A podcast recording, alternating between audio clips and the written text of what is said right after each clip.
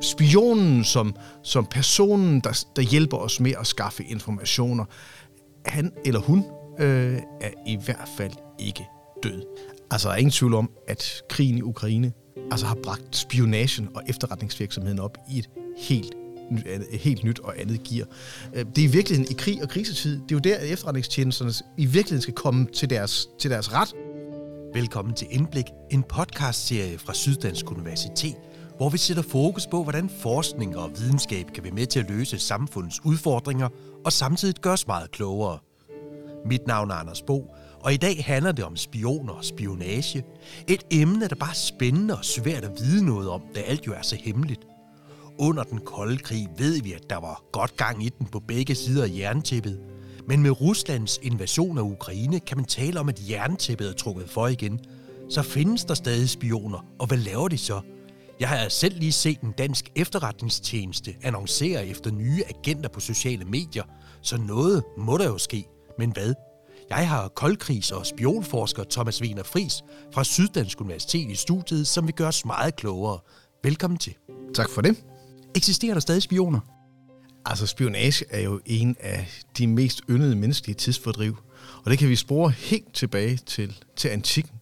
Gud sagde til Moses, at han skulle sende spejder ud for at finde Kanaans land. Og for 2.500 år siden, der, var, der arbejdede den kinesiske filosof Sun Tzu med at give gode råd til, hvordan at man bedst og mest effektivt kunne vinde en krig ved hjælp af spioner. Og det har faktisk ikke ændret sig siden. Det, her, det, det, det er et håndværk, som, som politikere, militærfolk, beslutningstagere, øh, de, de nyder at bruge. Og man kan sige, at inden for de sidste 100 års tid, er der kun blevet mere og mere og mere af det. Uanset stort set, hvad der er sket i verden i øvrigt. Men hvad er det, de laver i dag? Hvis man kigger på det helt, øh, helt overordnet, jamen så er deres opgaver, øh, vi kan dele dem i fire, at på den ene side, så skal de sikre nationens territoriale integritet. Med andre ord, de skal sørge for, at vi, at vi ikke bliver rent over inde af, af svenskerne, eller, eller russerne, eller polakkerne, eller hvem der nu kan finde på at, at komme ind til Danmark. Så skal de sikre landets grundlæggende politiske regime, altså ikke nødvendigvis, hvem der nu engang sidder i, sidder i regering, men efterretningstjenester skal, skal sikre, at den styreform i Danmark demokrati, at den, at den ikke bliver det, det grundlæggende ændret. Så skal de passe på vores statshemmeligheder, altså beskytte dem, beskytte vores hemmeligheder, vores partners hemmeligheder, over for andre, der kunne finde på at få, få fingrene i den. Og sidst men ikke, ikke mindst, så skal efterretningstjenester, de skal hjælpe en til enhver tid siddende regering med at kvalificere deres beslutninger. Øhm, og ikke mindst det sidste er jo nok noget af det, som, som ligesom gør dem interessante for, øh, for, politikere, for politikere og fuldstændig uafhængige, om vi nu har krig eller krise, eller om vi har fredstid. Det der med at have et apparat til din rådighed, som giver dig eksklusivt informationer, som ovenikøbet er så hemmelige, at du som politiker ikke må tale om dem.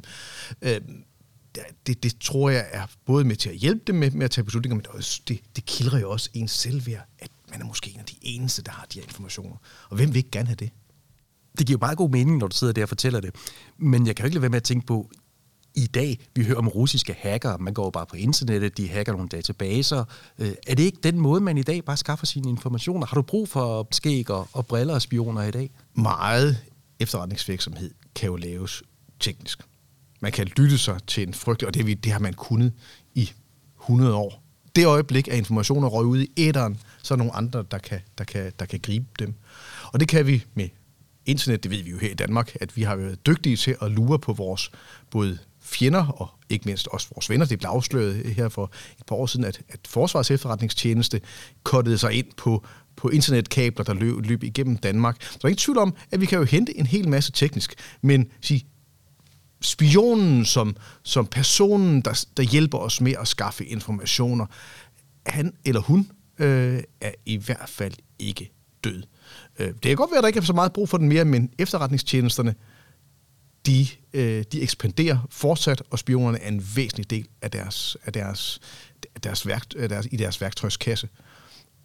Jamen, jeg er lidt, nys- lidt mere nysgerrig efter, hvad det er for nogle informationer. Er det, går de og tager billeder af vores militæranlæg? Øh, hvad er det, de gør, de her, når jeg ser sådan en spion for mig, sådan en agent, der er hemmelig? Hvad, hvad er det, de gør? Hvad er det for en type informationer, de skal få?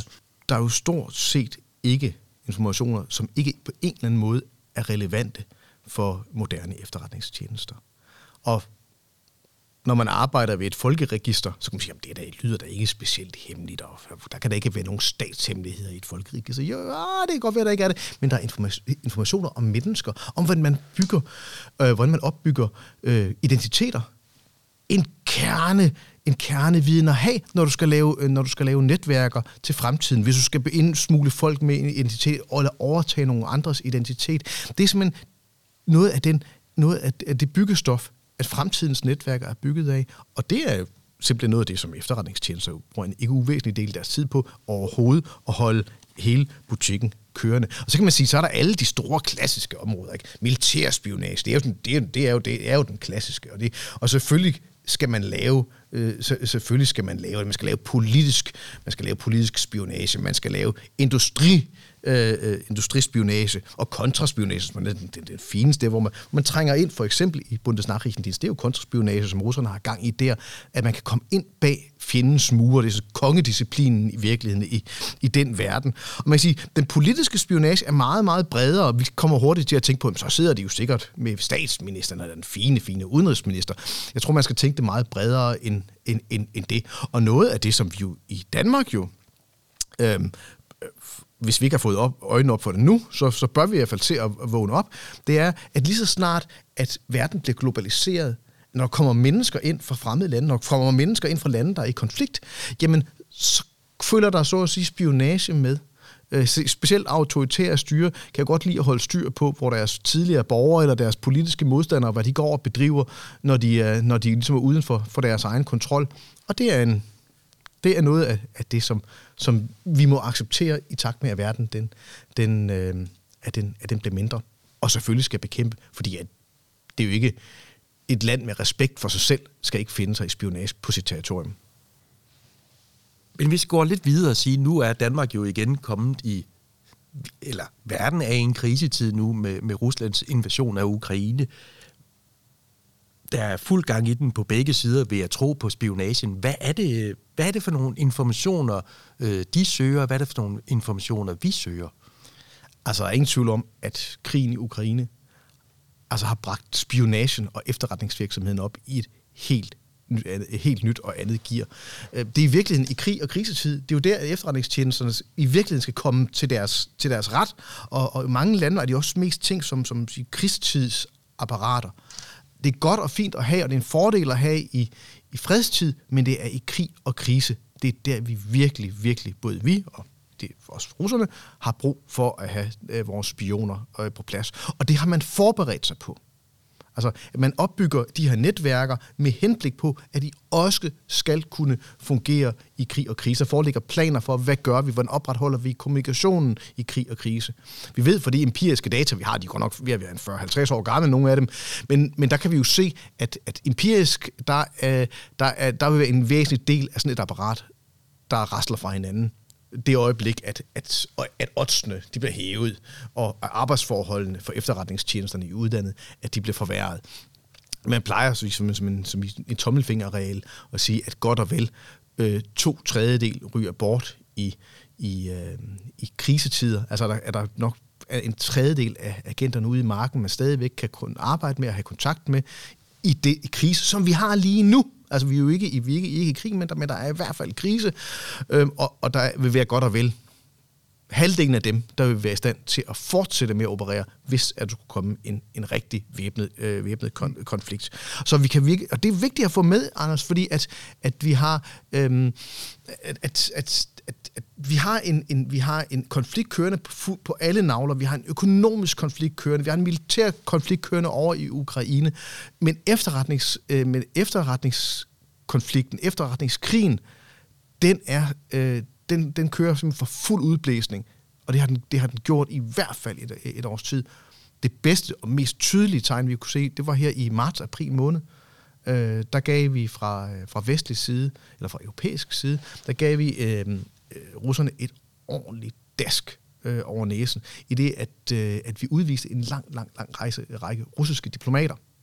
I Danmark mener jeg, der var en 15 stykker, i Tyskland var det, var, det, var det 40. I Polen, som jo er en af de lande, som generelt spiller en, en vigtig øh, rolle i forhold til i konflikten med Rusland, der, der, der, der gav man den gas og sendte 45 russiske diplomater øh, ud af landet.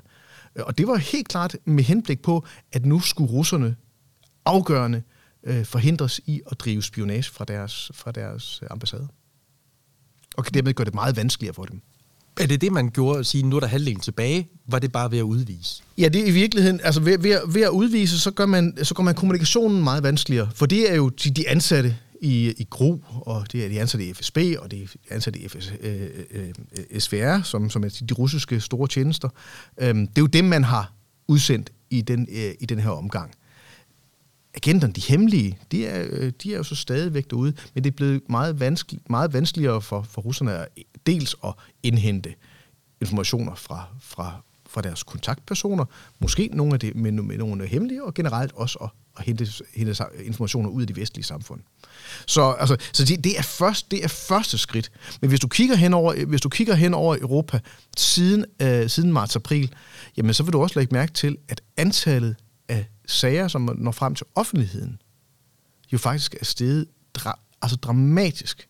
Der går ikke ret lang tid mellem, at et af de europæiske lande kaster sig over for meget, meget forskellige typer af russiske øh, agenter i deres samfund.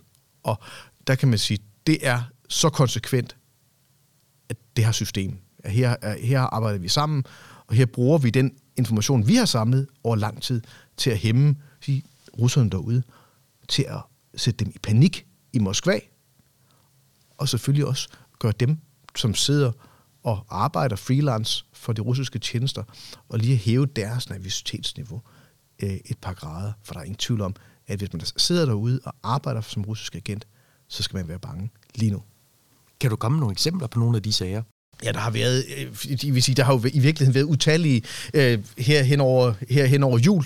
Der blev det jo kendt, at en, øh, en medarbejder i den, vest, øh, i den tyske efterretningstjeneste Bundesnachrichtendienst havde, havde arbejdet ved øh, parallelt med sit, øh, sit rigtige job, så havde han så, så, havde så, så, havde så arbejdet for, for, øh, for russerne en, u, en lille måned forinden. Der havde vi i Sverige en meget voldsom øh, aktion, hvor, hvor, sven, hvor, sige, hvor svenskerne kom ind med helt tunge, tunge skyts med helikopter og, og, og SWAT-team, og fik, de fik testet hele pivetøjet, mens de arresterede et, et, russisk, et, et, et russisk ægtepar, som, som man boede i Sverige i en lille måned forinden der, havde vi haft en, en, en øh, brasiliansk, eller det var jo så ikke en brasiliansk, det var en russisk forsker under brasiliansk dække op i Tromsø, øhm, som, som, var, som, var, som var blevet arresteret. Øhm, og, Altså, jo, dermed har vi jo i de fleste af vores nabolande, i Polen, øh, arresterede man en medarbejder ved Folkeregisteret i, øh, i, øh, i Warszawa, og man arresterede nogle hvide russiske tilrejsende på grænsen til Polen for at gå og bedrive spionage. Så i virkeligheden, bare de her sager, vi har i Danmarks nærområder, giver sådan en bred palet af forskellige genrer inden for, inden for spionage, øh, inden for spionagefaget, øh, og samtidig sender de i fællesskab chokbølger igennem, øh, igennem det russiske efterretningsestablishment. Så for at komme lidt tilbage til det her stillingsopslag, som den danske efterretningstjeneste har slået op, og med det, du har fortalt om arbejdet, så er det jo noget af en øh, jobportefølje, man, man, man, man får. Så hvad skal man kunne? Det er jo ikke, det er jo ikke agenter i betydningen spioner af Forsvarets efterretningstjeneste, at de søger efter. Det er egentlig bare et helt almindeligt jobopslag. Den store forskel mellem at være medarbejder i en efterretningstjeneste, f.eks. en føringsofficer, og ved at være agent eller spion eller stikker eller angiver, øh, det er, at dem, der er ude i marken, agenterne, spionerne, det er dem, der har hele ansvaret, eller det er dem, der ligesom får, ender med at sidde med, med ansvaret for, for, hvad der sker. Det er dem, der tager en risiko. Det er dem, der kommer ind i et, det er dem, der sidder i et fremmed land og risikerer at komme i fængsel. De kan risikere at miste deres arbejde, de risikerer at miste deres familie, og i nogle lande, der mister man jo livet, hvis man bliver taget som spion for en fremmed magt. Øh, medarbejderne for efterretningstjenesten, de sidder trygt og godt derhjemme i København, eller i Moskva, eller i Washington, øh, og, hæver deres, og hæver deres pensioner og gratialer og bonusser, hvis at agenterne ude i marken har lavet noget særligt, særligt flot. Så der er et meget vigtigt, meget vigtigt asymmetrisk forhold mellem spionen og mellem, øh, og mellem de ansatte. Kan du prøve at beskrive den typiske agent? Hvordan vil en typisk øh, dansk agent være? Er det familieliv, eller Og det kommer an på, hvad du mener øh, med, med, med, med, med, med, med agent.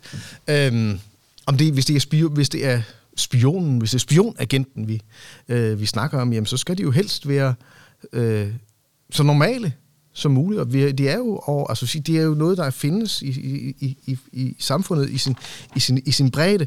Og de fleste af os kan jo, kan jo blive det. Ikke nødvendigvis, fordi vi, vi vil, men fordi at dem, som er på den anden side, altså de professionelle efterretningsfolk, at, øh, at de har som, som, øh, som, som opgave at genkende menneskelige svagheder. Øh, og dem har vi alle sammen. Der er et eller andet, vi er til falds for. Om det er penge, det er sådan et argument, som vi danskere som regel godt kan forstå, hvem har ikke, hvem har ikke brug for det sorte arbejde ekstra. Øh, eller kan det være ideelle forestillinger om verdensfreden, men man, man, man forsøger at redde, eller noget så simpelt som, som anerkendelse. Alle mennesker har brug for anerkendelse. Og hvis det er en føringsofficer fra et fremmed lands efterretningstjeneste, der kan levere den for dig, så er det et brændstof, der kan holde dig gående som, som agent. Øh, altså, altså rigtig, rigtig længe.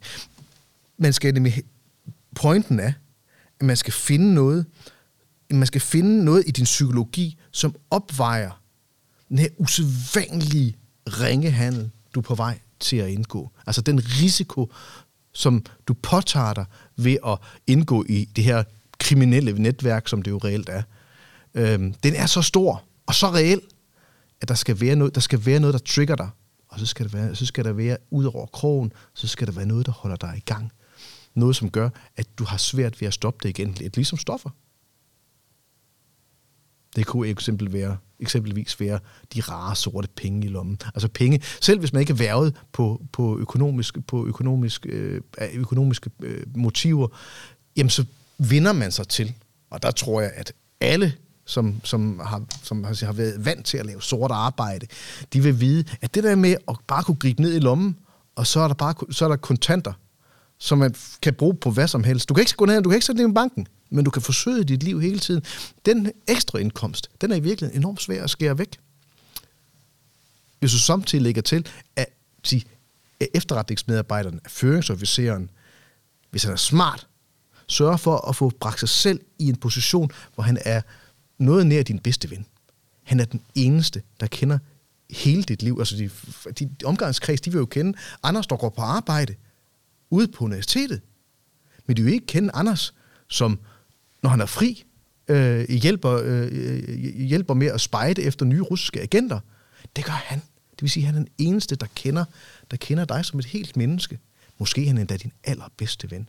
Hvis du er i den, kommet i den situation, at det er din bedste ven, der er din føringsofficer, så er det meget svært at bryde, øh, øh, i virkeligheden meget svært at bryde ud af, hvor mange mennesker slår sin bedste ven af hånden, bare fordi, at det er lidt risikabelt.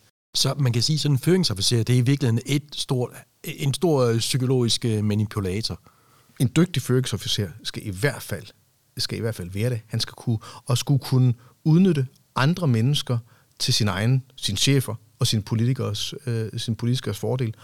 Og hvis man, noget, man, hvis noget, man skal arbejde med i mange år, ikke have nogen skrubler med, at det er mennesker, man brænder af. Nu har vi snakket mest om, at de her agenter, de skal skaffe information, og vi har været lidt inde på, at man også har fanget de andre spioner. Er det også noget af det skyd først, Skyder man også hinanden? Ser vi det ligesom i James Bond, at de render rundt og skyder efter hinanden, laver giftmor og den slags? Man kan sige, jamen, altså James Bond, ham ser man nok ikke så mange af. Altså, han er jo, han er jo en, han er jo en fascinerende, øh, fiktiv person, og det er også, det er også meningen, han skal være, være fascinerende. Øh, I virkeligheden er det jo en verden, hvor, hvor, altså, som er enormt hård, og hvor mennesker bliver brændt af som, som, som brændstof. Så i virkeligheden, den virkelige James Bond burde i virkeligheden være en, være en øh, altså, vi er mere, meget mere ensom, og det, det er han jo alligevel også lidt, men altså mere ensom i den, i den, sørgelige, i den, i den sørgelige ende. Selvfølgelig er der øh, eksempler på, at efterretningstjenester også bruger, bruger vold det er jo en del af, en del af gamet. Ikke? Det er ikke noget, man gør på, på daglig basis, men vi har det jo fra, ny, øh, fra, fra tid til anden. Vi så for ganske få år siden den, den tidligere øh, GRU-mand Skripal blive forsøgt øh, myrdet i, øh, i, i, øh, i Storbritannien. Vi havde mordet for et par år siden inden midt i Berlin i, Tier, øh, i, i Tiergarten, hvor, hvor russerne forsøgte at, og, eller fik forsøgte, der myrdede de jo rent faktisk en, en, en, en, en eksil, øh, øh, eksilperson. Men en af de, sådan, de sådan mere spektakulære sådan scener, der sådan, sådan springer, som sådan bør springe ind i, ind i, i, i, i erindringen. Det er 2010, da, da, da israelske agenter myrdede en Hamas-mand i, uh, i Dubai, uh, hvor, hvor, hvor de ovenikøbet blev filmet med deres tennis, med deres tennisketcher på til og, til og fra arbejde, øh, efter de havde, efter de havde, de havde ordnet ham her. Øh, så det er noget, der, det er noget, der finder sted. Vi skal jo tænke på, at det er jo ikke, men det er jo ikke kun sige, de her, øh, de her hvor, hvor der er hands-on aktioner, hvor, hvor russerne, eller her, i det her tilfælde israelerne, er i, er i aktion. Mange af det, vi kan kalde targeted killings, dem laver vi også maskinelt. Altså, øh, der er jo ingen grund til at tage ud og kvæle folk med en pude, hvis du kan myrde dem fra en drone i, i tilpas, i tilpas stor højde. Altså, så, så, så det at, at lave targeted killings er jo ikke fuldstændig ukendt for, for os i Vesten. Så den foregår på begge sider? Det er noget, der foregår, det er noget, der foregår på begge sider. Hvis man, er, hvis man er stor nok, og man kan det, jamen så forsøger man også at stoppe, stoppe sine politiske og militære modstandere. Nu er vi ved at være hele vejen rundt. Jeg er i hvert fald blevet meget klogere af det her. Er der noget, øh, vi skal være opmærksomme på i dag med de moderne spioner? Skal vi passe på med at blive for afhængige af nogen? Øh, skal vi se, begynde at se spioner overalt, føringsofficerer, der prøver at manipulere os? Eller? Vi skal være bedre til at forstå det. Det er enormt vigtigt. Øh, efterretningsvirksomhed er jo en del af at være i et, i et normalt, øh, normalt samfund. Det er noget, som både diktaturer og demokratiske stater gør. Men de gør det jo i sidste ende for, for dine og mine penge. Og som det er med alle andre områder i det, i det offentlige, så skal vi danne os en kvalificeret mening om det. Og der må man sige, at der kan historien jo hjælpe os lidt. Øh, fordi det er, det er her, vi har adgang til noget. Øh, det er her, vi har adgang til, til informationer. Det er her, vi kan blive lille bitte smule klogere som borgere. Efterretningstjenesterne, hvis de vil, kan også blive klogere. Det er, en, det er, det er noget, der i virkeligheden er et drønhammerne farligt. Øh, det er, at efterretningstjenester lukker sig om sig selv og undgår at blive klogere, for så producerer de af, måske af intet af en, og måske af, af selvtilfredshed, så producerer de usikkerhed for dine og mine penge, og det er der ingen af os, der kan være tjent med. Og med den punchline, så tror jeg, jeg vil sige uh, tusind tak, fordi du vil dele din viden med os. Tak til Thomas Wiener Friis fra Syddansk Universitet, som efter mange år har rendt rundt i Statis arkiver og andre er blevet klogere på alt det her spionage. Du har lyttet til podcastserien Indblik fra Syddansk Universitet – og er du nysgerrig efter at blive endnu klogere, så klik endelig ind på stu.dk slash lyd eller i din foretrukne podcast-app. Vi lyttes ved.